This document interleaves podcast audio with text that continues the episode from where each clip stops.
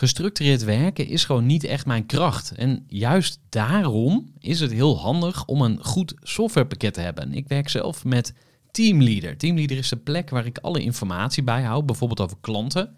Waarin ik offertes maak en verstuur en die digitaal laat ondertekenen. Waarin ik facturen verstuur, waarin ik lijstjes bijhoud, waarin ik projecten kan managen, waarin ik standaard e-mails kan programmeren. Kortom, ik gebruik Teamleader om alle werkprocessen van mijn bedrijf te stroomlijnen. En zeker ook als je met een team werkt, is het heel fijn om over dezelfde informatie te beschikken. Nou, als je ook benieuwd bent of er mogelijkheden zijn om jouw bedrijf meer te stroomlijnen, of je nu alleen werkt of met een team, ga even naar teamleader.nl slash groeivoer en je kunt dan vandaag nog een trial starten voor twee weken lang, gratis. En je kunt Teamleader volledig uitproberen. En na de proefperiode krijg je ook nog zo'n leuke korting als luisteraar van Groeivoer. Ga naar teamleader.nl slash groeivoer. Gooi voor. Gooi voor. Gooi voor. Zoek je inzicht, inspiratie voor je eigen bedrijf. Wil je elke dag iets leren? Hey, wat leuk dat je weer luistert naar de Groeivoer podcast. Mijn naam is Gerard Tevelde en in de Groeivoer voor Ondernemers podcast ga ik in gesprek met experts op het gebied van persoonlijke groei en bedrijfsgroei. In deze aflevering van de Groeivoer podcast ga ik in gesprek met Joop de Jong van het bedrijf Port for Growth. Joop was al met bedrijfsgroei bezig voordat we in Nederland een enorme massa aan business coaches hadden. Dus Joop was echt al eh, een van de allereerste die op dit thema eh, aan de slag ging. En met Port for Growth heeft hij eigenlijk een bedrijf gebouwd wat ondernemers helpt groeien. Nou, je hoort in deze aflevering eh, wat meer over Joop's achtergronden, wat hij allemaal gedaan heeft en welke inzichten hij daaruit gehaald heeft over groei. Dus ik zou zeggen, ga lekker luisteren naar Joop de Jong van Port for Growth. Voor de kennis en ideeën van een interessante gast. Die zijn verhaal met jou wil delen. Luister je naar Gooi voor. Joop de Jong, welkom bij de Groeivoer podcast. Dankjewel voor de En, gelegenheid. eh, tof dat ik hier bij jou eh, te gast mag zijn in Woerden. En we zitten hier in het Groeilokaal, een eh, ruimte waar we rustig podcast kunnen opnemen.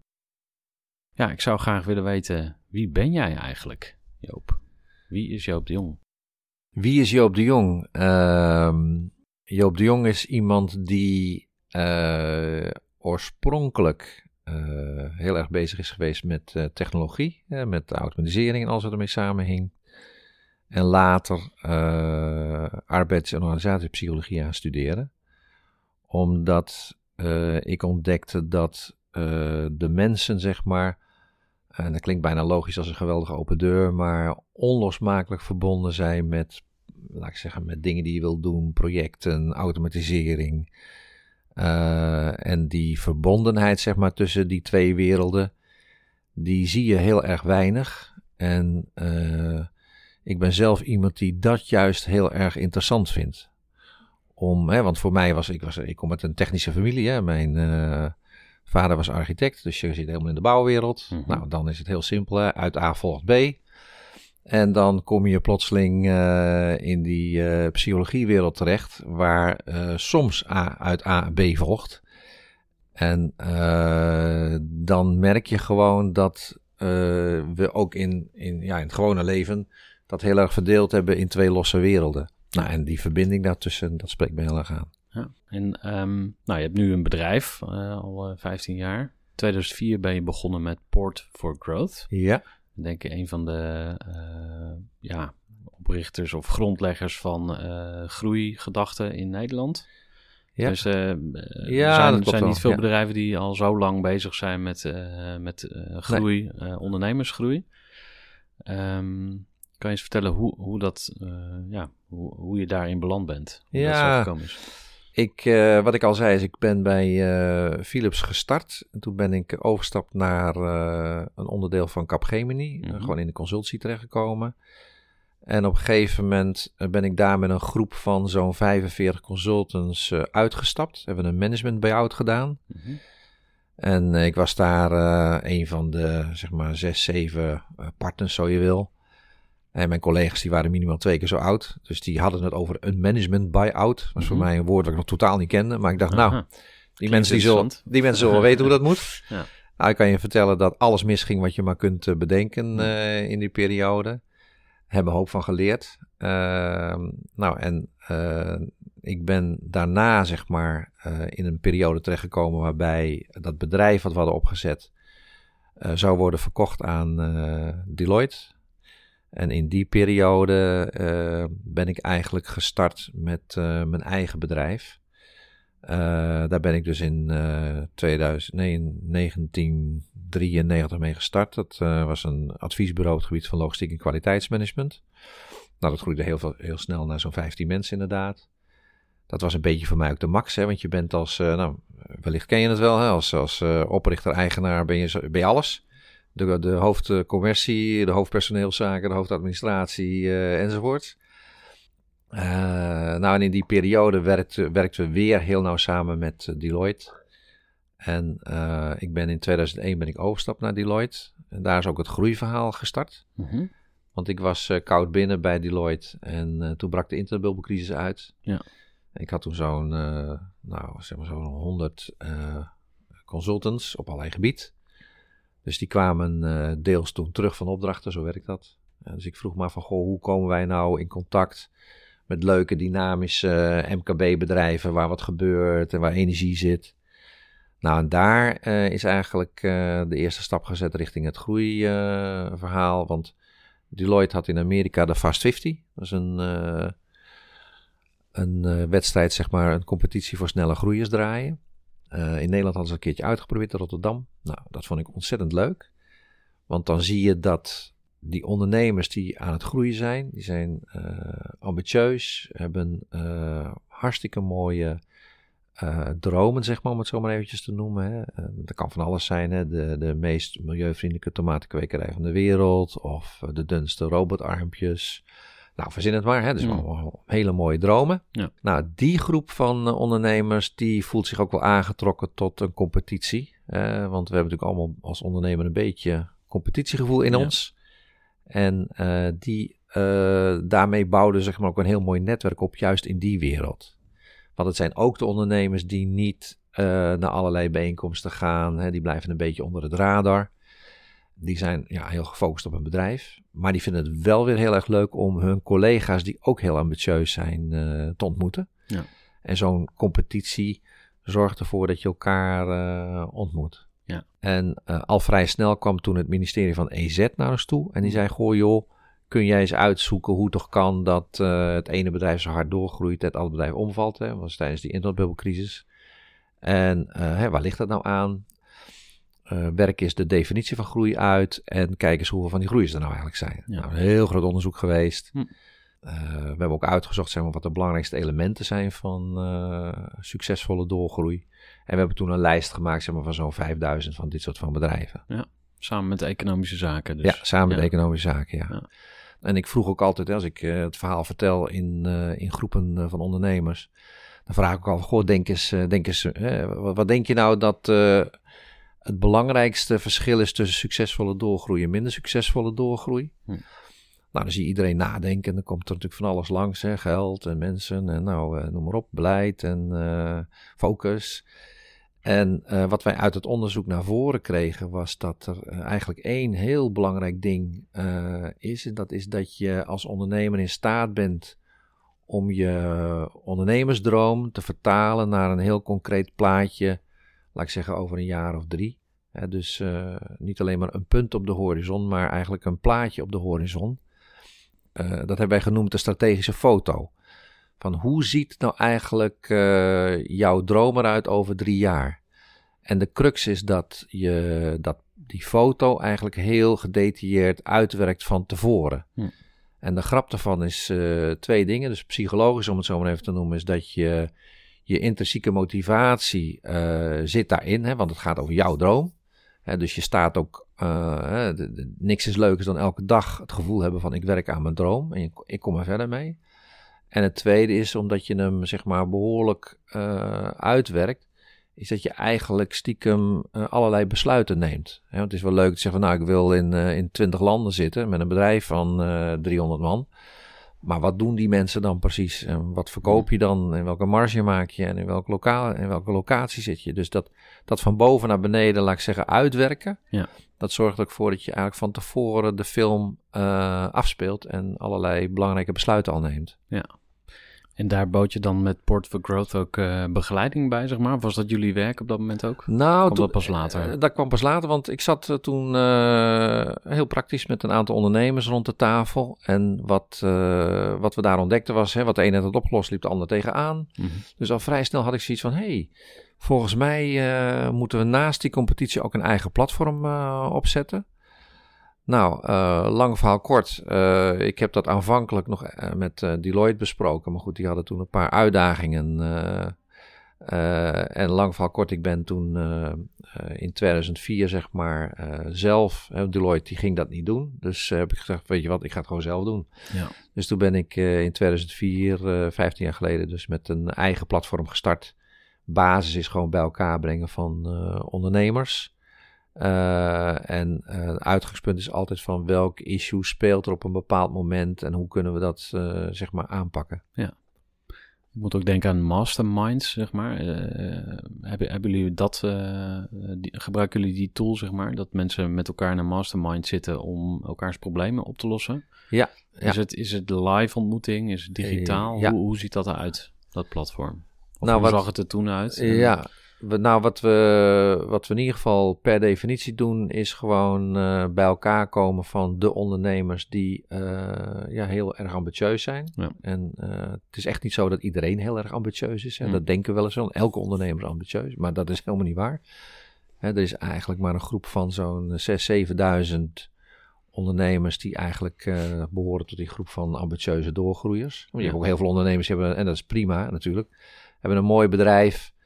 Eh, pensioen is allemaal geregeld en, eh, en die runnen dat gewoon goed. Nou, daar is niks op tegen. Alleen, eh, je hebt ook een groep die heel erg ambitieus is en zeg maar behoorlijke eh, doelstellingen en dromen heeft. Ja. Die graag willen waarmaken. Eh, dus dan praat je echt over een, een wat andere groep. Nou, als die groep, als je die bij elkaar brengt via ons platform, dan ontstaat er sowieso een soort vibe onderling. Want ja, je luistert toch naar elkaar. Wat doe jij, wat doe jij, wat doe jij? En wat zijn jouw dromen? En dan zie je dat je, eh, dat deden we ook eh, in de programma's en in de bijeenkomsten. Dan zie je ook dat je elkaar eh, gaat aanscherpen, helpen. Hè, van, oh, je bent daarmee bezig, nou dan moet je eens met die praten. Ja. En dan zie je ook de kracht van een netwerk. eh, omdat je elkaar gewoon eh, veel verder, eh, verder helpt. En eh, niet onbelangrijk, als ondernemer is het toch vaak lonely at the top.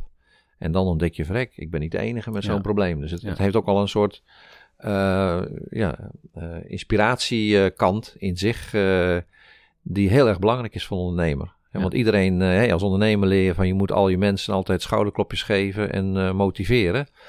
Maar zelf, eh, Wie ja, geeft wie, jou, eh, wie geeft jou het schouderklopje? ja, hè? precies. en eh, thuis hoef je ook niet altijd aan te komen met jouw verhaal. Want dan zegt je vrouw of man, eh joh leuk, maar eh zullen we de aardappels weer even opzetten? ja.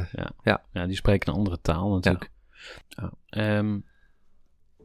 Die eh, start-up scene, of de scale-up scene. eh, Ja, dat het is echt scale-up, zeg maar. Ja, Ja, maar goed, het, eh, we, we doen, eh, laat ik zeggen, we zitten zeg maar vooral op het gebied van de, de bedrijven die de start-up fase ruimschoots voorbij zijn.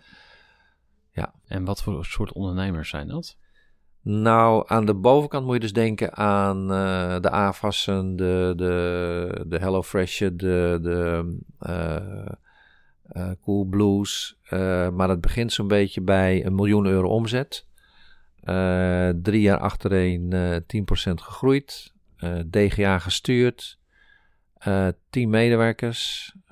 en heel belangrijk, een ambitieus doel. Ja. En dat kan van alles zijn. Ik bedoel in de bouw, in de transportwereld, tuinbouw, technologie. en vandaag de dag zie je overigens dat vooral in de online wereld en in de dienstverlening dat er heel hard wordt gegroeid. Maar goed, er wordt, eh, zeg maar op elk gebied wordt er, eh, kan er hard gegroeid worden. Hè, mits je maar iets bijzonders doet op dat gebied. Even een korte onderbreking met een belangrijke vraag aan jou. Want wat heb jij geregeld voor het geval je van de ene op de andere dag zou komen uit te vallen? Wat gebeurt er dan met je bedrijf, maar vooral wat gebeurt er met jou persoonlijk en ook in financieel opzicht? Samen met ASR voerde ik drie openhartige gesprekken over tegenslag en veerkracht. En dat deed ik met Saskia, Vincent en Pieter. Ondernemers met een bloeiend bedrijf die van de ene op de andere dag niet meer konden werken. En die verhalen hoor je in aflevering 256, 257 en 258 van deze podcast. Als ondernemer wil je natuurlijk niet uitvallen. En daarom is het belangrijk dat je veerkrachtig bent, want voorkomen is beter dan genezen. En als het dan toch misgaat, is het fijn dat je iets geregeld hebt, zodat je weer snel door kunt met ondernemen. Wil je weten hoe veerkrachtig jij nu bent? Vul dan in twee minuten de veerkrachttest van ASR in. Ga naar asr.nl slash veerkrachttest ondernemers. Is er een bedrijf wat er voor jou uitspringt, die uh, in de afgelopen 15 jaar echt uh, een enorme groei heeft doorgemaakt, dat je denkt van, ah, maar dat is toch wel, uh, dat is mede te danken aan Port for Growth? Nou, we hebben, dat is misschien ook wel leuk te vertellen, we hebben zo'n zo, zo ruim twaalf jaar geleden hebben wij meegedaan aan een grote aanbesteding voor programma Groeiversnellen heet dat. Dat was een uh, heel groot programma wat, uh, uh, wat zeg maar aanbesteed werd door het ministerie van Economische Zaken. Om juist die bedrijven door een soort glazen plafond heen te helpen. Ja. En dat hebben we toen, nou naast ons deden ook zeg maar alle grote adviesbureaus mee. En het leuke was is dat wij dat toen hebben gewonnen. Eigenlijk om twee redenen. Eén, we hebben natuurlijk een goed track record in groeiersland, om het zo maar te zeggen. En twee, we hadden natuurlijk ook een vrij goed beeld van wat je moet doen om beter en sneller te groeien. Dat kwam dus door het onderzoek wat we eerder uh, deden. En zo zijn we uiteindelijk zeg maar in 2009 met de eerste groepen gestart van groeiversnellers. En hebben zo'n 200 uh, ondernemers ingezeten. Uh, die betaalden daar ook apart voor trouwens. als onderdeel van het businessmodel om het zo maar te noemen. En daar zijn gewoon een, een x-aantal zijn gewoon ongelooflijk hard gegroeid. tot ver in het buitenland, zeg maar met nieuwe vestigingen opzetten en verzin het maar. Dus wat daar betreft kan ik daar een, een x-aantal noemen die, die gewoon hartstikke goed gegroeid zijn. Alleen wat je ziet is dat dat ondernemers zijn die niet uh, ja, eindeloos maar in de krant komen. Nee, het zijn niet de grote namen, maar wel... Nee, maar die zijn wel heel erg hard gegroeid. Ja. Ook, ook die zouden zeg maar een, een plek in de krant verdienen. Alleen niet elke ondernemer zit erop te wachten, om het zo maar te zeggen. Ja. Ja, die blijven liever op de achtergrond. Ja, dan, die ja. zijn daar niet mee ja, bezig. Of? Ja, nee, maar goed, dat niet elke ondernemer zit te wachten op eindeloos veel publiciteit. Die zijn gewoon lekker bezig met het realiseren van hun droom en halen daar zeg maar hun inspiratie uit. Ja.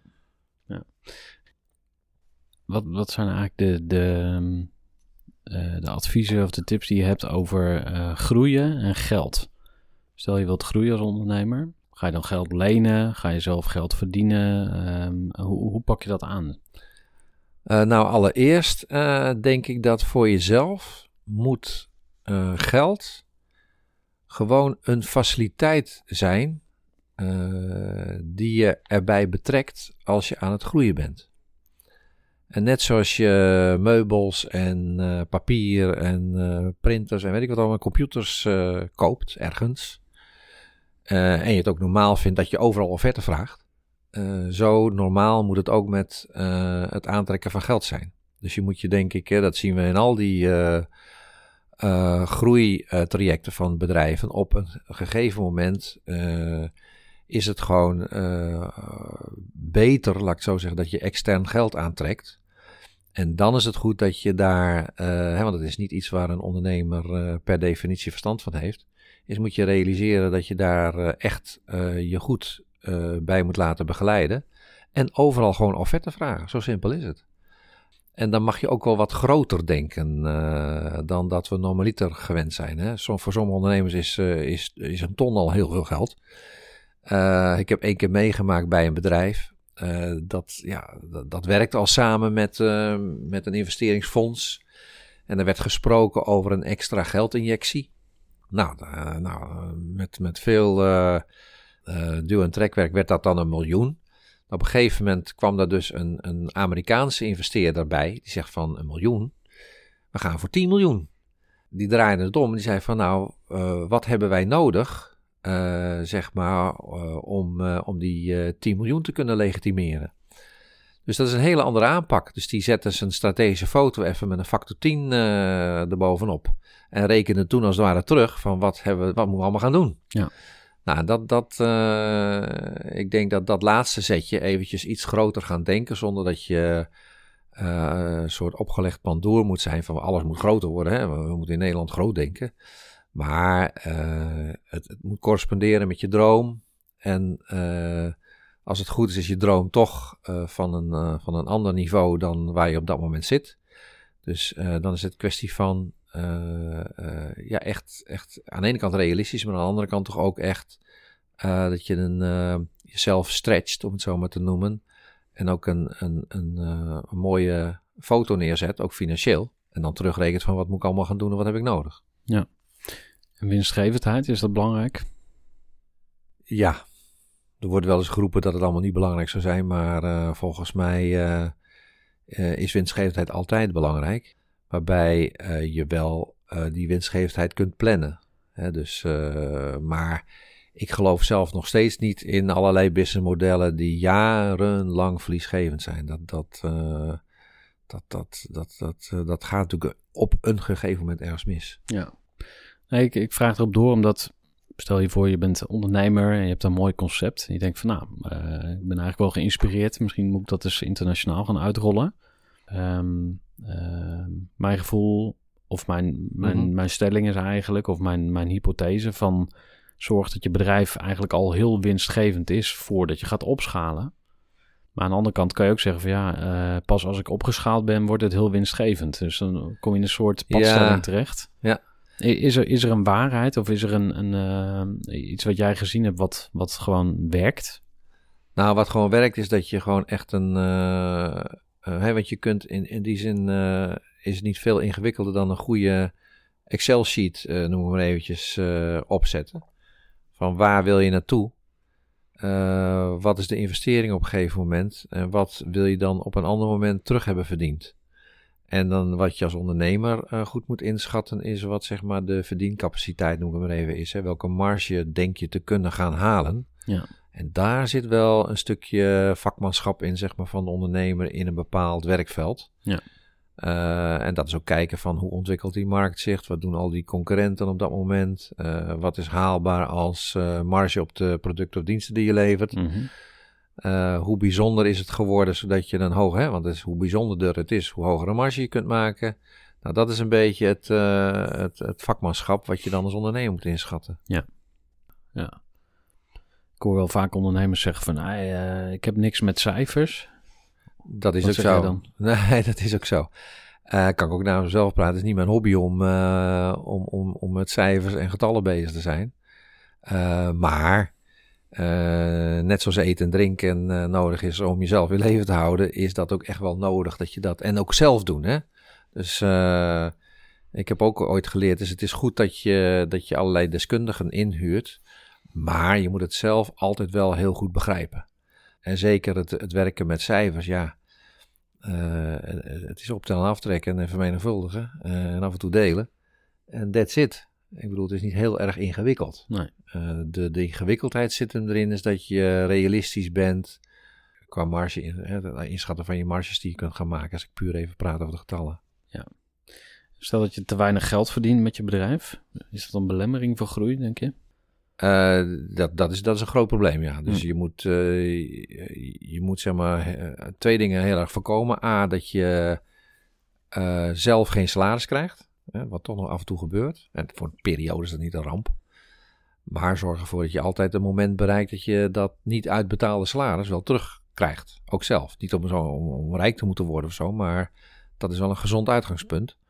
Eh, en het tweede is, ehm, je moet eh, nooit eh, dingen verkopen met verlies. Maar goed, dat is een, geweldige open deur. Is dat, dat, dat, er, dat er een gezonde, eh, gezonde verkoopprijs is. Ja. En als die niet te halen is in die markt, eh, dan betekent het ofwel dat je concurrenten eh, veel lagere kosten maken, ofwel dat, dat je gewoon te voorzichtig bent. Ja, ik denk dat uh, best veel ondernemers zijn die eigenlijk helemaal niet zo goed weten hoe je geld moet verdienen. Ze, ze hebben wel enorme passie uh, voor wat ze doen. Uh, een heel mooi product of ze zijn geweldig gedreven op een bepaald onderwerp. ze zijn misschien ook ergens heel goed in. Alleen het verdienmodel, dus het geldstuk, dat is bij best wel wat ondernemers een ondergeschoven kindje. En kijk ook naar mezelf bijvoorbeeld. Ik vind het fantastisch om mensen te helpen. Ik vind het leuk en ik ben er goed in. Um, maar als ik er geld voor moet vragen, dan is er toch altijd een soort interne rem of zo. Of dan gaat mijn, mijn, ga ik automatisch denken, ja, maar ja, maar ja, moet ik dat nou wel doen? kan, terwijl iemand van buiten, die commercieel is ingesteld, die zal dan veel makkelijker zeggen van, yo, gast, je voegt super veel waarde toe. Dus waarom zou je dat voor niks weggeven? Of waarom, waarom vraag je zo weinig geld ervoor? Nee, dus, ja, is heel, heel herkenbaar. Ja. En daar heb je dus echt uh, een coach uh, voor nodig van buiten die je daarin ondersteunt. Dus uh, ik kan ook iedereen adviseren en, en aanbevelen dat ze een coach hebben. Ja. Als, net zoals dat bij de meeste sportmensen ziet. dat is gewoon heel belangrijk dat je altijd een coach hebt die op die manier van buiten naar kijken. Ja. En daar heb ik ook wel een, een handige tip.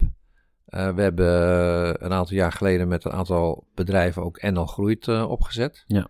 En nou, die hebben het mentorensysteem. Kun je voor, voor, voor, volgens mij voor gratis, kun je een mentor aan jezelf verbinden. dat moet je dus altijd doen. En dus dat is een ervaren ondernemer, zeg maar, die, die met je meekijkt. En inderdaad ja. niet emotioneel verbonden is met, met datgene wat je doet. Ja. NL Groeit. Goeie tip. Er zijn, zijn er nog meer belemmeringen voor groei die jij uh, veel tegenkomt? Ja, op dit moment is wat ik al zei, is het uh, tekort aan personeel. Ja.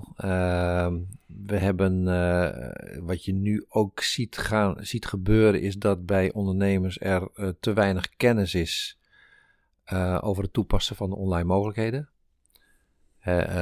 Ik, ik, een paar jaar geleden vroeg ik in een zaal met, met zo'n 150 ondernemers van, goh, wie van jullie gebruikt LinkedIn? Nou, er waren toch een redelijk aantal die dat gebruikten. En toen zei ik van, goh, wie van jullie doet meer dan uh, contactverzoeken op, uh, op, op akkoord klikken? En verder eigenlijk niks. Nou, dat was eigenlijk het gros die, die daarbij bleef. Aha. Dus je, je ziet dat, ik geloof dat LinkedIn dichtheid, om het zo maar te noemen, in Nederland is het hoogst. Maar aan de andere kant, eh, de social selling en laat ik zeggen, alle moderne manieren om uh, die kanalen in te zetten voor je bedrijf, die worden nog veel te weinig gebruikt. Er zit nog veel meer, er zit nog veel meer mogelijk. Ja. dus op dat gebied zie ik een groeibelemmering. Want op een gegeven moment, degenen die dat wel heel goed gaan snappen en gaan inzetten, ja. die gaan het gewoon beter doen. Ja. Hoe ziet het groeilandschap in Nederland eruit? Dus stel je bent uh, ondernemer, je wil groeien, um, je wil je daarin laten begeleiden. Wat, wat zijn je opties? Ehm, je, hebt, je hebt eigenlijk um, grofweg twee opties. Of, of, drie zou je bijna kunnen zeggen. De eerste is dat je, zeg maar, en daar zijn er vele in Nederland, dat je onderdeel wordt van een soort intervisieachtige organisatie, dus structuren. Twee is dat je een, een trainingstraject uh, volgt. en drie is dus dat je een coach of mentor aan je bindt. En nou, alle drie kun je via ons krijgen, om het zo maar te noemen. Dus we hebben daar meer dan voldoende contacten voor. en dan is het ook een kwestie van, je hebt niet, ik, ik, je hebt wel zeg maar organisaties waar je echt geen zaken mee moet doen, maar... Nou, noem even een paar namen.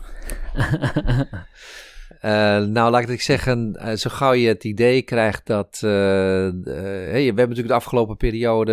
Er zijn ongelooflijk veel mensen weggegaan bij het corporate bedrijfsleven, om het zo maar te noemen. Nou, die komen op de markt en die worden allemaal coach. Nou, het is wel zaak dat je als je zeg maar een coach zoekt, is dat je even kijkt naar iemands verleden. En dan ook echt heel kritisch bent in, uh, goh, kan deze meneer of mevrouw mij wel helpen met zo'n achtergrond? Ja. want uh, coach is echt een vak apart. Dus je hebt een aantal netwerken in Nederland die, waar gewoon echt gedegen eh, content onder ligt. Eh, dus die niet zomaar aan het coachen zijn. Dus dat is heel eh, belangrijk. Twee, eh, niet elke ex-ondernemer, want we hebben natuurlijk ook een aantal ondernemers die hun tent verkocht hebben.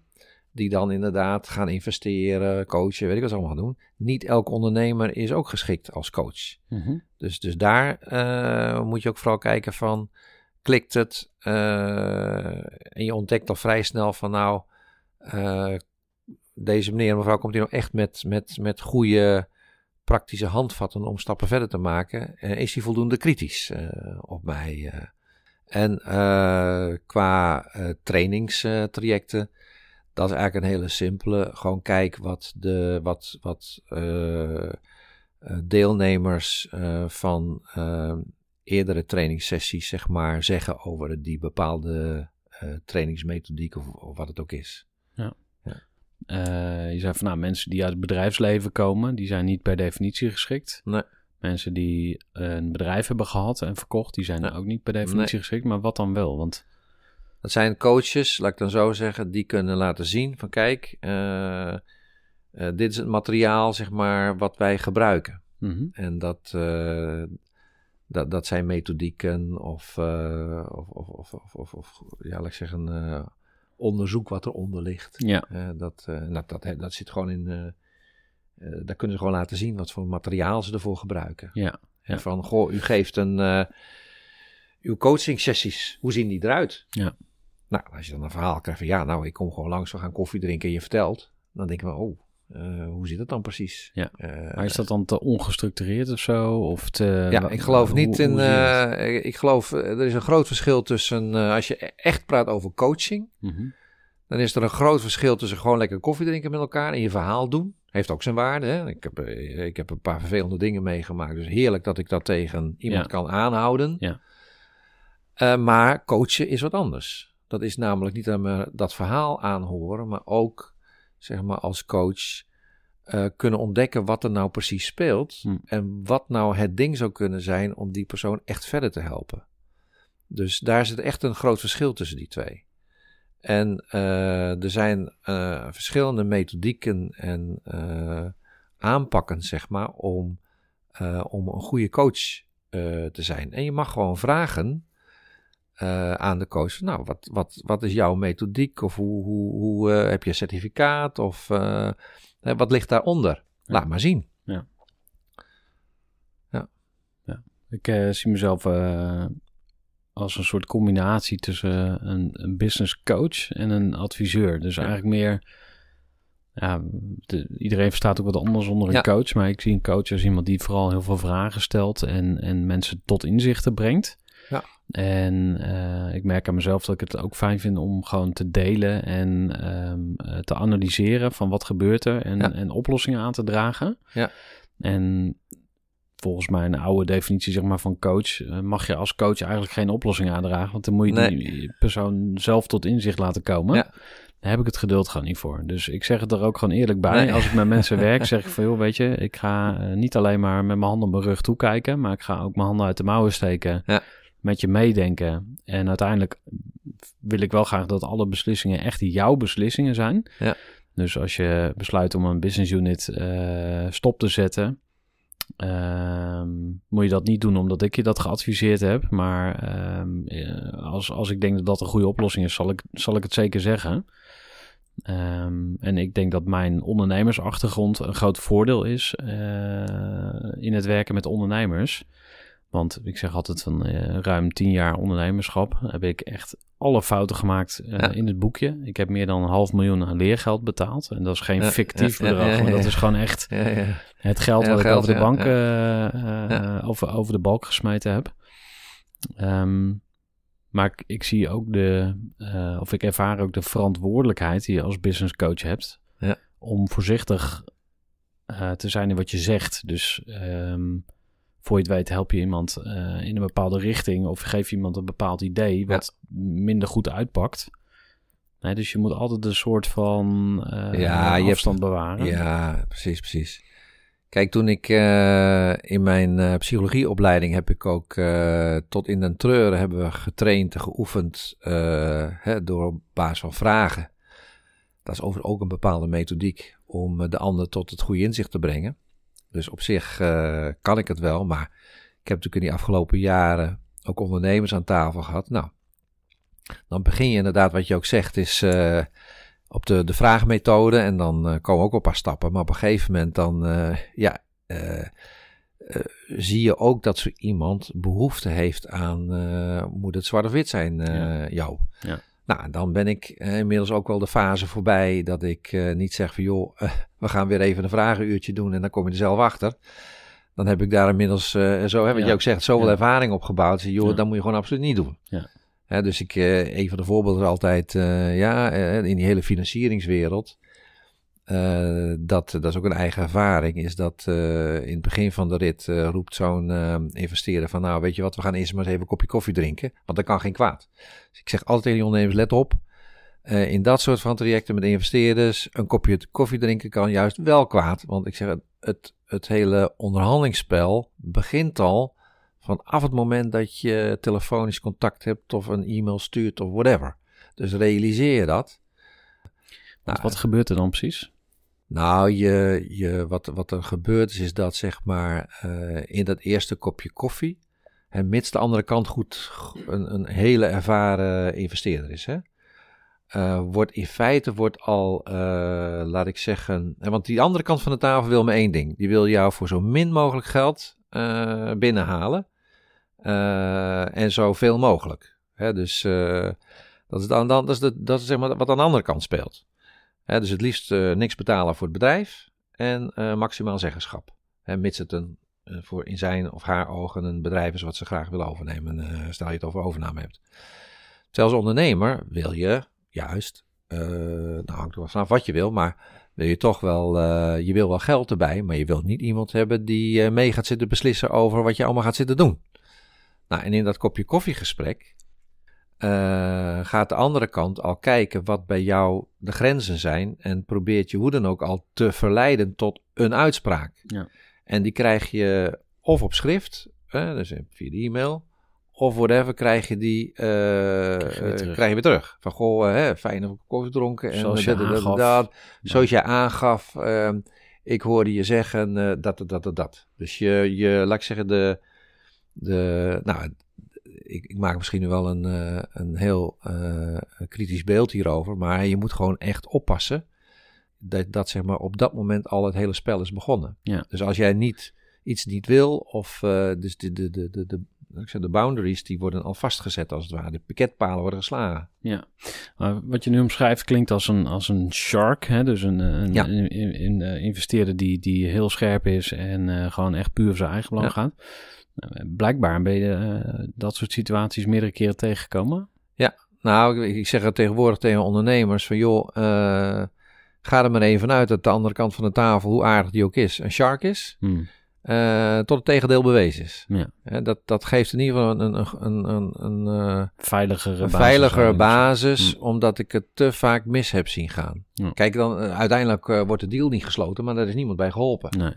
Zonde dus van de tijd. zonde van de tijd en noem het allemaal op. En wat zijn de juiste dingen om investeringskapitaal aan uit te geven? Eh, dat, dat, dat, ehm, dat kan. Nou, nou in, de, eh, in zijn algemeenheid is dat alles wat zeg maar leidt tot eh, betere en snellere opschaling.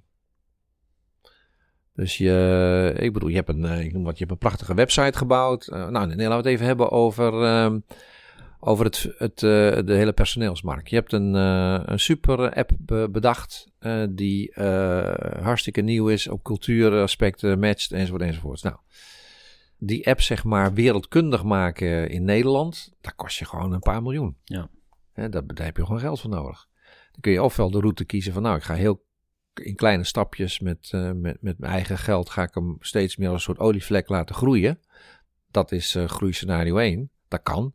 Ehm, maar je kunt daar ook groeiscenario 2 tegenover zetten. Van joh, op een gegeven moment als het zich redelijk heeft bewezen. eh, van joh, ik, ik haal er een investeerder bij. En eh, ik, eh, ik maak gelijk een enorme, en die, die besteedt daar een enorme hoeveelheid geld aan. Om ervoor te zorgen dat die eh, bij iedereen tussendoor komt. Ja, ik vind dat wel spannende, want gevoelsmatig zou ik zeggen van als je investeert in een gebouw of een machine of, of iets wat, wat, wat op je balans kan komen te staan, zeg maar, dan heb je toch nog een soort van zekerheid. Terwijl als je het geld overmaakt aan Mark Zuckerberg of, eh, Ja. of aan Google, weet je wel, dan Ja. ben je het gewoon kwijt, weet je wel. dus ja, adverteren, Ja, goed, eh, de- als je op die schaal gaat adverteren, dan kan je natuurlijk wel heel goed zien wat, eh, hoeveel er geklikt wordt, hoeveel er gekeken wordt, wat je, wat je eh, Ja. opbrengsten zijn, zeg maar. Maar het blijft natuurlijk ehm, eh, risicovol. Ja. En dat pleit ervoor om het niet met je eigen geld te doen. Dus om inderdaad te zeggen van joh, eh, we zoeken geld van buiten. En als het. Ja. En, en zo wordt er volgens mij in Amerika ook veel meer gedacht van. eh, je gaat geen risico nemen met je eigen geld. Als je Ja. risico neemt, dan eh, doe je dat met geleend geld. Hoe, hoe, kijk jij daarnaar? Nou, ik, ik denk dat eh, zeker in Nederland doet het gros het nog met eigen geld. Ja. En is het meer een kwestie van dat je bepaalde ondernemers ehm, moet helpen om ook op een gegeven moment de slag te maken van extern geld aan te trekken. Eh, want dat is niet zeg maar in Nederland de, de gewoonte, om het zo maar te zeggen. Dat zit niet in ons DNA. Hè, dus, eh, ja. Maar dat heeft dus juist tot gevolg dat er eh, nog veel meer extern geld geïnvesteerd zou kunnen worden, mits we hier een iets andere cultuur zouden hebben. Hoe, eh, hoe kom je aan je ontspanning, Joop? Wat, ik, wat ik heel fijn vind om te doen is, eh, wij zijn eh, samen met mijn vrouw be- zijn we Italië-fanaat. Dus eh, wij, wij zijn inmiddels wel op elke plek geweest. Mijn vrouw spreekt ook goed Italiaans. En wat, wat ik gewoon ontzettend fijn vind, is om daar de dolce far niente eh, te beleven. Dus het, het, het fijne niets doen. En eh, de mensen zijn gewoon perfect. En eh, het eten is, nou goed, ik hoef al die dingen niet te noemen, die kent iedereen wel. Dus dat vind ik gewoon heerlijk om, eh, om nou minimaal één keer per jaar om daar te bivakeren. En wat wij inmiddels ook hebben ontdekt is het cruisen. Iedereen denkt dat dat allemaal oude mensen zijn op een grote boot. Dan kan ik ze uit de droom helpen, want het zijn allemaal eh, behoorlijk jonge mensen, grote families, noem maar op. Eén groot feest. En dan doe je dus eigenlijk in korte tijd, doe je eh, in de Middellandse Zee doe je allerlei eh, eilandjes aan. En dat vind ik helemaal perfect. hè. Dus je vaart eh, s s'nachts van het een naar het andere eiland. En dan stap je s'morgens van boord. En dan kom je weer weet ik het, in, op Elba of van alle eilanden waar je, waar je gewoon eens wil kijken hoe dat eruit ziet. En dingen wil meemaken. Dus dat vind ik ontzettend leuk om te doen. Ja. En waar we naar uitzien is, een van onze vrienden zei laatst van, goh joh, zullen wij een wijnboerderij kopen in Piemonte? Nou, dat lijkt me ook wel wat, ja. Dus eh, ik zei, nou, ik hoef, ik, ik hoef, ik hoef niet zo nodig een hele dag druiven te plukken, maar ik wil wel een goede hulp voor je zijn. Dus eh, wat we wel zien zitten is om, hè, want dat zijn behoorlijke grote eh, landerijen, is dat er ergens op dat stukje grond kun je natuurlijk wel nog één of twee of drie vakantiehuizen neerzetten. Dus dat lijkt me wel heel erg leuk. Alhoewel je dan ook weer het risico loopt dat het moet weer niet werken worden. Dus, Ja. maar dat, eh, dat, dat, dat, dat eh, dus, dus waar ik eh, heel erg van kan chillen, zeg maar, om het zo maar te noemen, is om daar, eh, en dat is voor mij hè, ik ga er naartoe. En dan eh, stop ik ook alles, eh, alle communicatie, om het zo maar te noemen. Dus eh, telefoon uit, eh, e-mail uit en noem het allemaal op. En dus ik ben ook niet een type eh, ondernemer die eh, niet kan stoppen. En dat doe ik ook s'avonds. Dat is ook een goede tip voor alle ondernemers. Eh, s'avonds mobiel uit, in het weekend mobiel uit. En eh, mobiel pas aan na het ontbijt. En dat is denk ik een van de beste adviezen die ik je kan geven. Want eh, daardoor creëer je ook ruimte in je hoofd. En eh, zorg je er ook voor dat je zo uitgerust mogelijk zeg maar, elke dag beleeft. En dat heb je, want het is allemaal topsport wat we spelen. Als je dat nou eenmaal goed vasthoudt als ritme, dan, dan hou je het langst vol en kom je op de mooiste ideeën. Een heel mooi advies om mee af te sluiten, denk Ja. ik. Ja, nou heel graag gedaan. Dankjewel eh Joop voor al die inzichten. Nogmaals graag gedaan.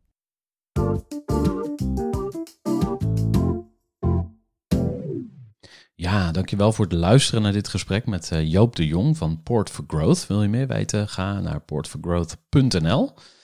Eh, je kunt ook een groeivoer verrassingspakket winnen als jij een post doet over de Groeivoer podcast op jouw socials. Dus mocht deze eh, aflevering jou aanspreken, of mocht je gewoon in algemene zin uh, Groeivoer podcast willen promoten, dat kan.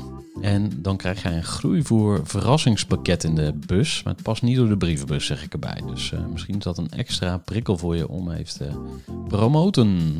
En ehm, nou, tot zover deze aflevering. Graag tot de volgende keer. En ik wens je al het goede. Groeivoer.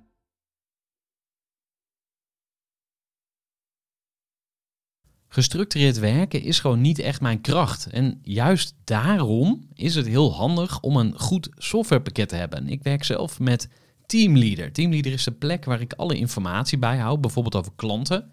Waarin ik offertes maak en verstuur en die digitaal laat ondertekenen. Waarin ik facturen verstuur, waarin ik lijstjes bijhoud, waarin ik projecten kan managen, waarin ik standaard e-mails kan programmeren.